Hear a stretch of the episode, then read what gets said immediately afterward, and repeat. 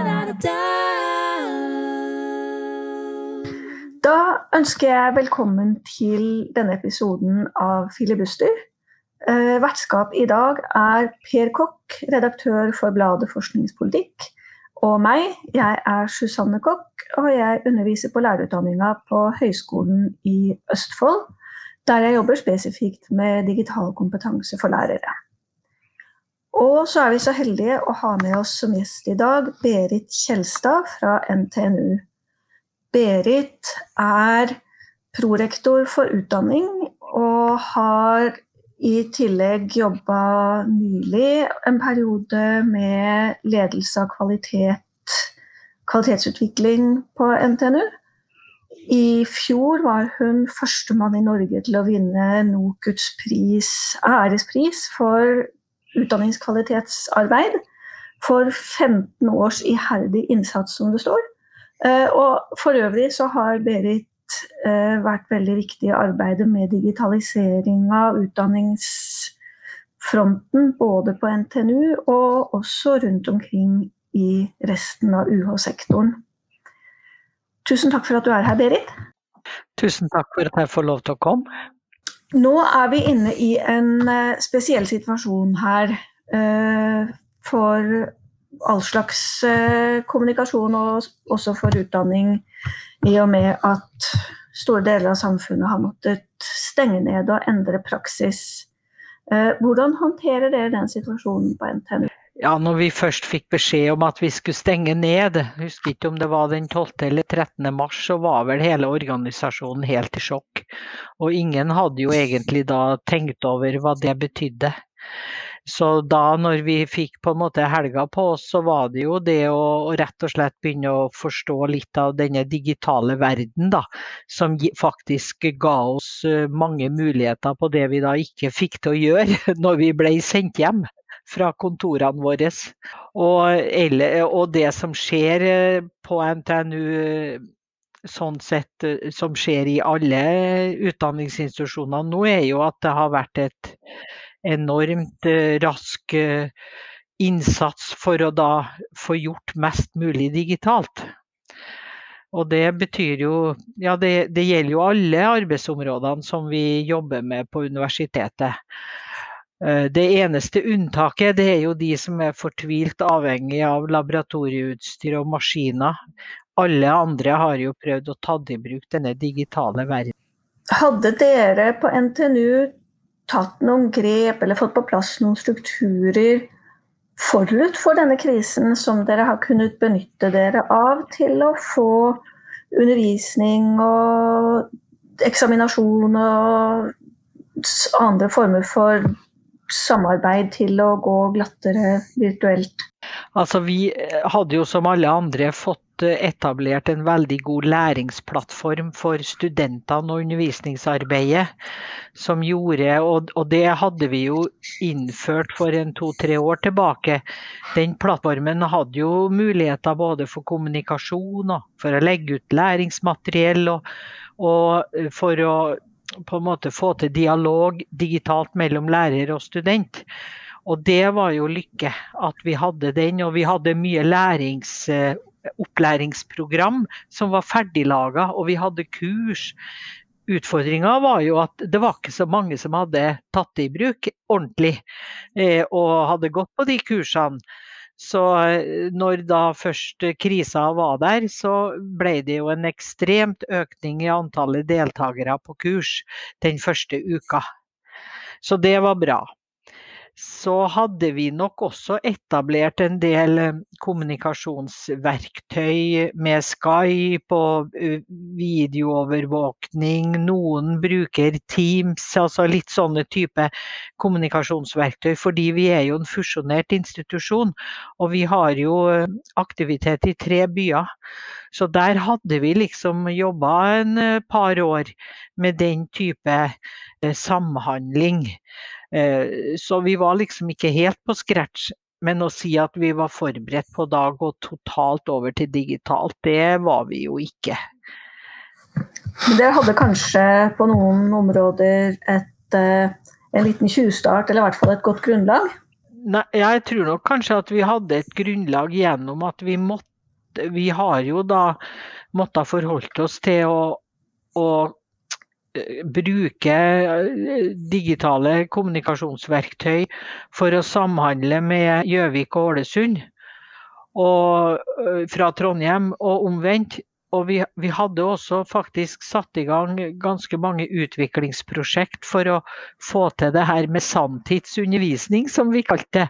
Det at eh, man kunne ha studenter i tre byer og en lærer i en by, og få til samhandling og kommunikasjon på, på litt mer avansert måte enn bare å ha møtevirksomhet. Da i de prosjektene der vi prøvde å, å, å jobbe med sannsynsundervisning, så satt jo det grupper av studenter i fysiske rom i tre byer. Og så var det da å få til kommunikasjon mellom de tre gruppene som var uh, poenget. Og det var det nok Det er det blanda erfaringer med. Og vi har jo et senter for eh, fremragende utdanning på NTNU som heter Excited. Og en av de arbeidsmodulene som de har i sitt forskningsprosjekt, er jo nettopp å se på sånne situasjoner. Hva er det som fungerer, og hva er det som ikke fungerer. Der ute på nettet ser vi at det har vært også en stor diskusjon i Facebook-grupper og i andre former for sosiale medier hvor lærere og universitetsfolk og forskere har diskutert og snakka sammen om å utvikle nye metoder å jobbe på på nett under korona. Har dere deltatt aktivt i samarbeid med andre universiteter og høyskoler om å finne frem til løsninger som virker?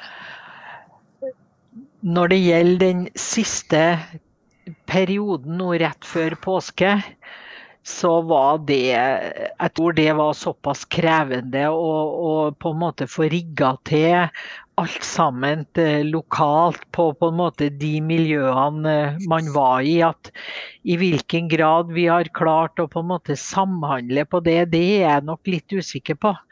Eh, for det var liksom sånn Alle bare måtte brette opp armene og lære seg læringsplattformen og lære seg kommunikasjonsverktøy. Så har det vært litt samarbeid med de andre universitetene. Men jeg tror nok vi har, et, vi har en eh, potensial å, å jobbe eh, mer sammen på dette området. Det er jeg helt overbevist om.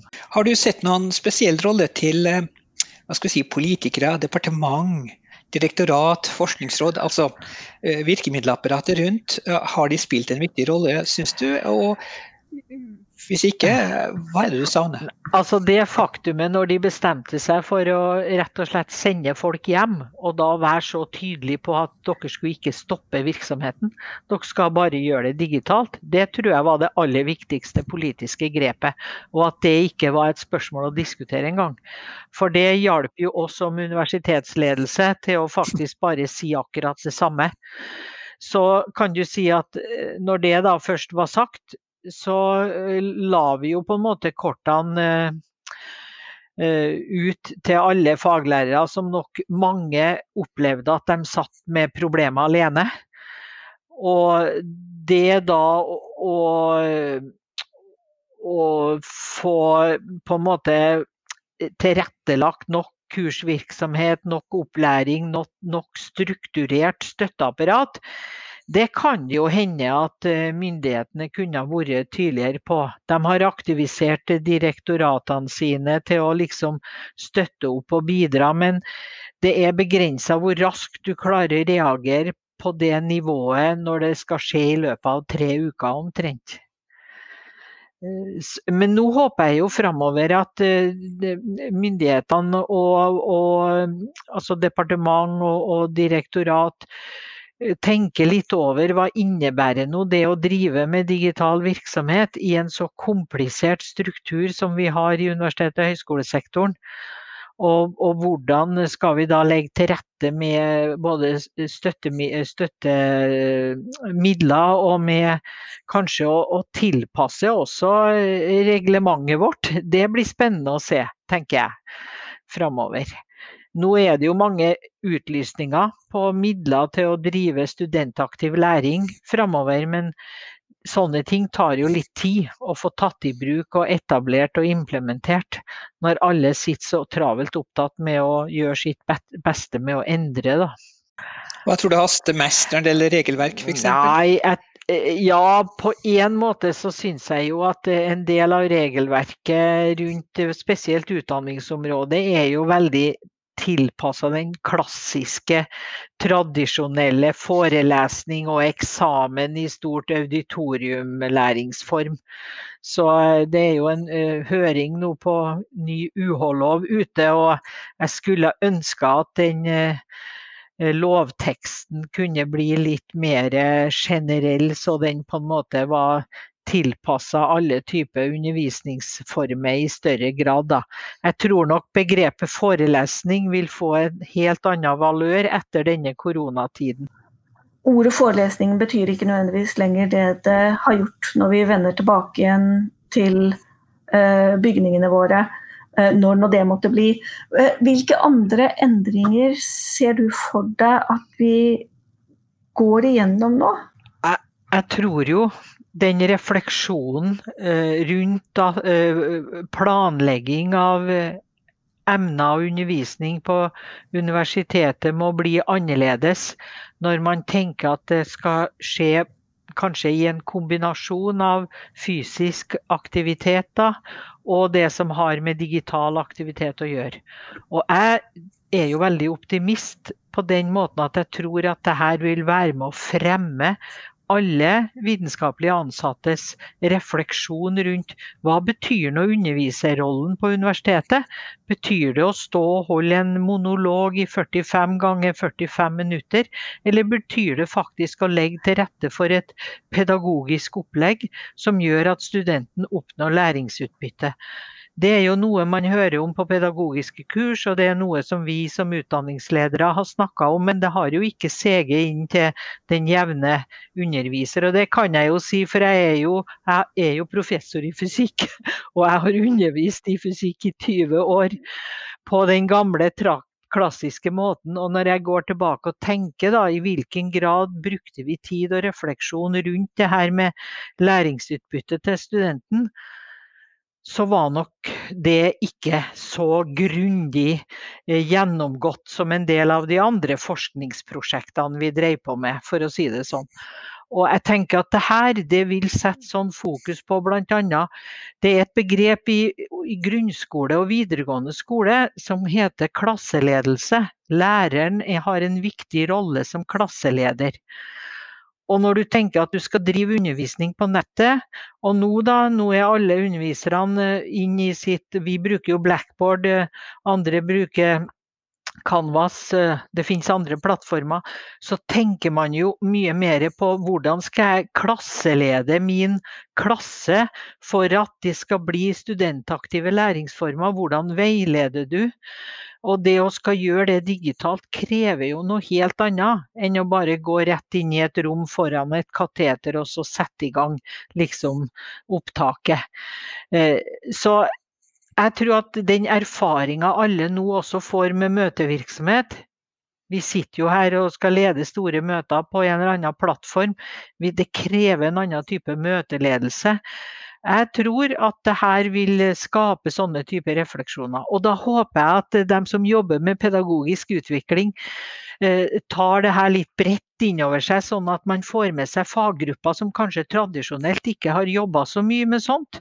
Lærerutdanning er jo flink, og pedagoger er flinke, og det er mange innen helsefag, noen innen teknologi, men det er mange andre områder som ikke har en hva jeg skal si, tradisjon for å reflektere over hva som er på en måte studentaktive læringsformer innen sitt fagområde. Og det tror jeg kommer til å bli helt annerledes i, eh, når vi er tilbake og kan eh, velge litt. Er det noe å lære av studentene her? Grunnen til at jeg spør er at yngre generasjoner har vokst opp med internett, med sosiale medier. De bruker Snapchat, de bruker Instagram og de bruker YouTube aktivt som et læringsmiddel. Et sted hvor de får tak i innovasjon. Langt mindre enn aviser og tradisjonelt lineær-TV, og i hvert fall ikke akademiske papers. studentene er viktige her. Det er jo dem sjøl som kjenner på hva det er som gir dem god læring. Eh, og det student, men det studentene trenger, da, og det hører vi jo nå med undersøkelser som er gjort i denne spesielle perioden, det er jo at de trenger å bli veileda i en strukturert hverdag. De trenger å bli veileda i et digitalt emne for å da kunne ta i bruk de riktige verktøyene til riktig tid. Så det betyr jo at emnelærers rolle vil endre seg litt fordi den tradisjonelle kunnskapsbaserte informasjonen som en foreleser kanskje bidrar med, den kan man finne andre plasser. Og så er det å sette de her bitene sammen som blir den nye rollen. Og da må man jo lytte på studentene hvordan det fungerer. Eh, så jeg tror helt klart at eh, studentrollen Og da må studentene også si hva er det som ikke fungerer. For det er nok eh, sånn med studenter at de er raske på en del eh, eh, kanaler, og de lærer seg litt teknikk, men når det skal settes liksom sammen i, et, i en større helhet, og hvor målet er faktisk å oppnå både ferdigheter og kunnskap, så, så blir det en rolle de heller ikke er profesjonelle i. Og da må de bli på en måte leder eller veileder.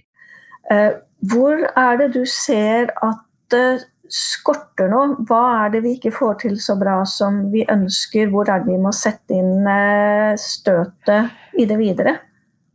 Jeg tror, altså det viktigste støtet er nok å, å heve den utdanningsfaglige basiskompetansen rundt i hele sektoren hva, hva, er det som er viktig for læringsprosesser, og hva er det som er viktig for å få studenter til å faktisk eh, øke sine ferdigheter og, og få mer generell kompetanse, som vi skriver om.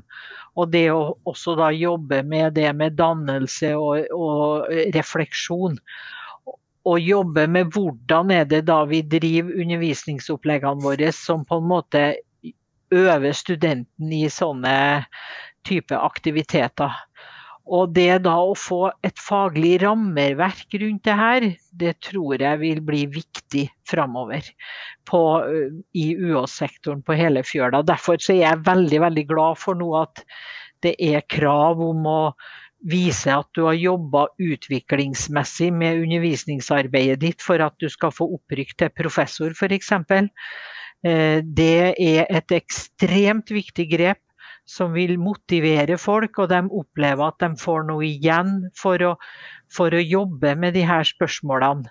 Sånn var det jo ikke tidligere. Da ble det knapt eh, vurdert hva du hadde gjort på undervisningssida. Det var liksom forskningspublikasjonene som telte. Så det er en viktig endring som, og et viktig signal som har kommet samtidig. Og så tror jeg at eh, det å da jobbe mye med å eh, evaluere og finne ut hva som fungerer og ikke fungerer, blir viktig. Forskningsprosjekter rundt det her for å se hva, eh, hva er det studentene trenger å få gjort i fysiske miljø. Hva er det de savner? Det som var artig, vet du, når denne krasjet kom, det var jo at det var jo ikke teknologien som te krasja. Nettet holdt jo. Eh, infrastrukturen holdt, ikke sant. Det, det, vi hadde all softwaren som vi kunne bruke. Alt var jo utvikla. Det var bare ikke tatt i bruk tilstrekkelig. Jeg har ofte snakka om det når jeg jobba med utvikling av utdanning, og det er jo riktig å si at jeg har gjort det i ganske mange år nå. Og jeg har brent litt for det her med å utvikle, profesjonalisere undervisningsrollen for universitets- og høyskoleansatte. Og da har jeg sagt at problemet her er jo at egentlig så er våre ansatte ganske godt fornøyd med den måten de driver undervisninga på. Så det da å stå og si at de bør på en måte jobbe og, bli bedre på det her, det har ikke vært noe lett jobb. Vi har liksom mangla en brennende plattform, som det ofte blir sagt om et uh, problem. Det er først da det settes i gang en aksjon. Og den brennende plattformen kom jo da bare en måned etterpå, blir jeg fortalt nå når jeg har sagt det her. Og det var jo i form av et virus. Og nå ser vi jo det er jo helt enormt fascinerende å se hvor raskt alle vitenskapelige ansatte har faktisk klart å få det til. Det viser jo den krafta og kompetansen som er i personer og i institusjonen. Og hvis det da blir styrt på riktig vei nå med riktig god kunnskap, og, og at det også blir eh, vektlagt når det promoteres og løftes opp og gis ut medaljer og vitnemål og alt mulig grader man har, så tenker jeg at det, det vil skje mye de neste årene også på dette området. Ja, det syns jeg høres ut som en veldig fin måte å slutte på. Det er fint og håpefullt perspektiv framover. Eh, og jeg kjenner at jeg gleder meg til å være med på å se det. Tusen takk, Berit Kjelstad, for at du var med oss i dag, eh, og for en spennende samtale. Tusen takk for at jeg fikk være med. Dette har vært en episode av Filibuster, en podkast som utgis av fagbladet Forskningspolitikk og forskningsinstituttet NIFU. Vertskap er Petra Andersen og Per Kokk. Du finner mer om bladet og podkasten på fpol.no. Der kan du også abonnere på papirutgaven av Forskningspolitikk. Abonnementet er gratis. Kjenningsmelodien er fremført og komponert av Lene Andersen Vinje. Forskningspolitikk utgis med støtte av Norges forskningsråd.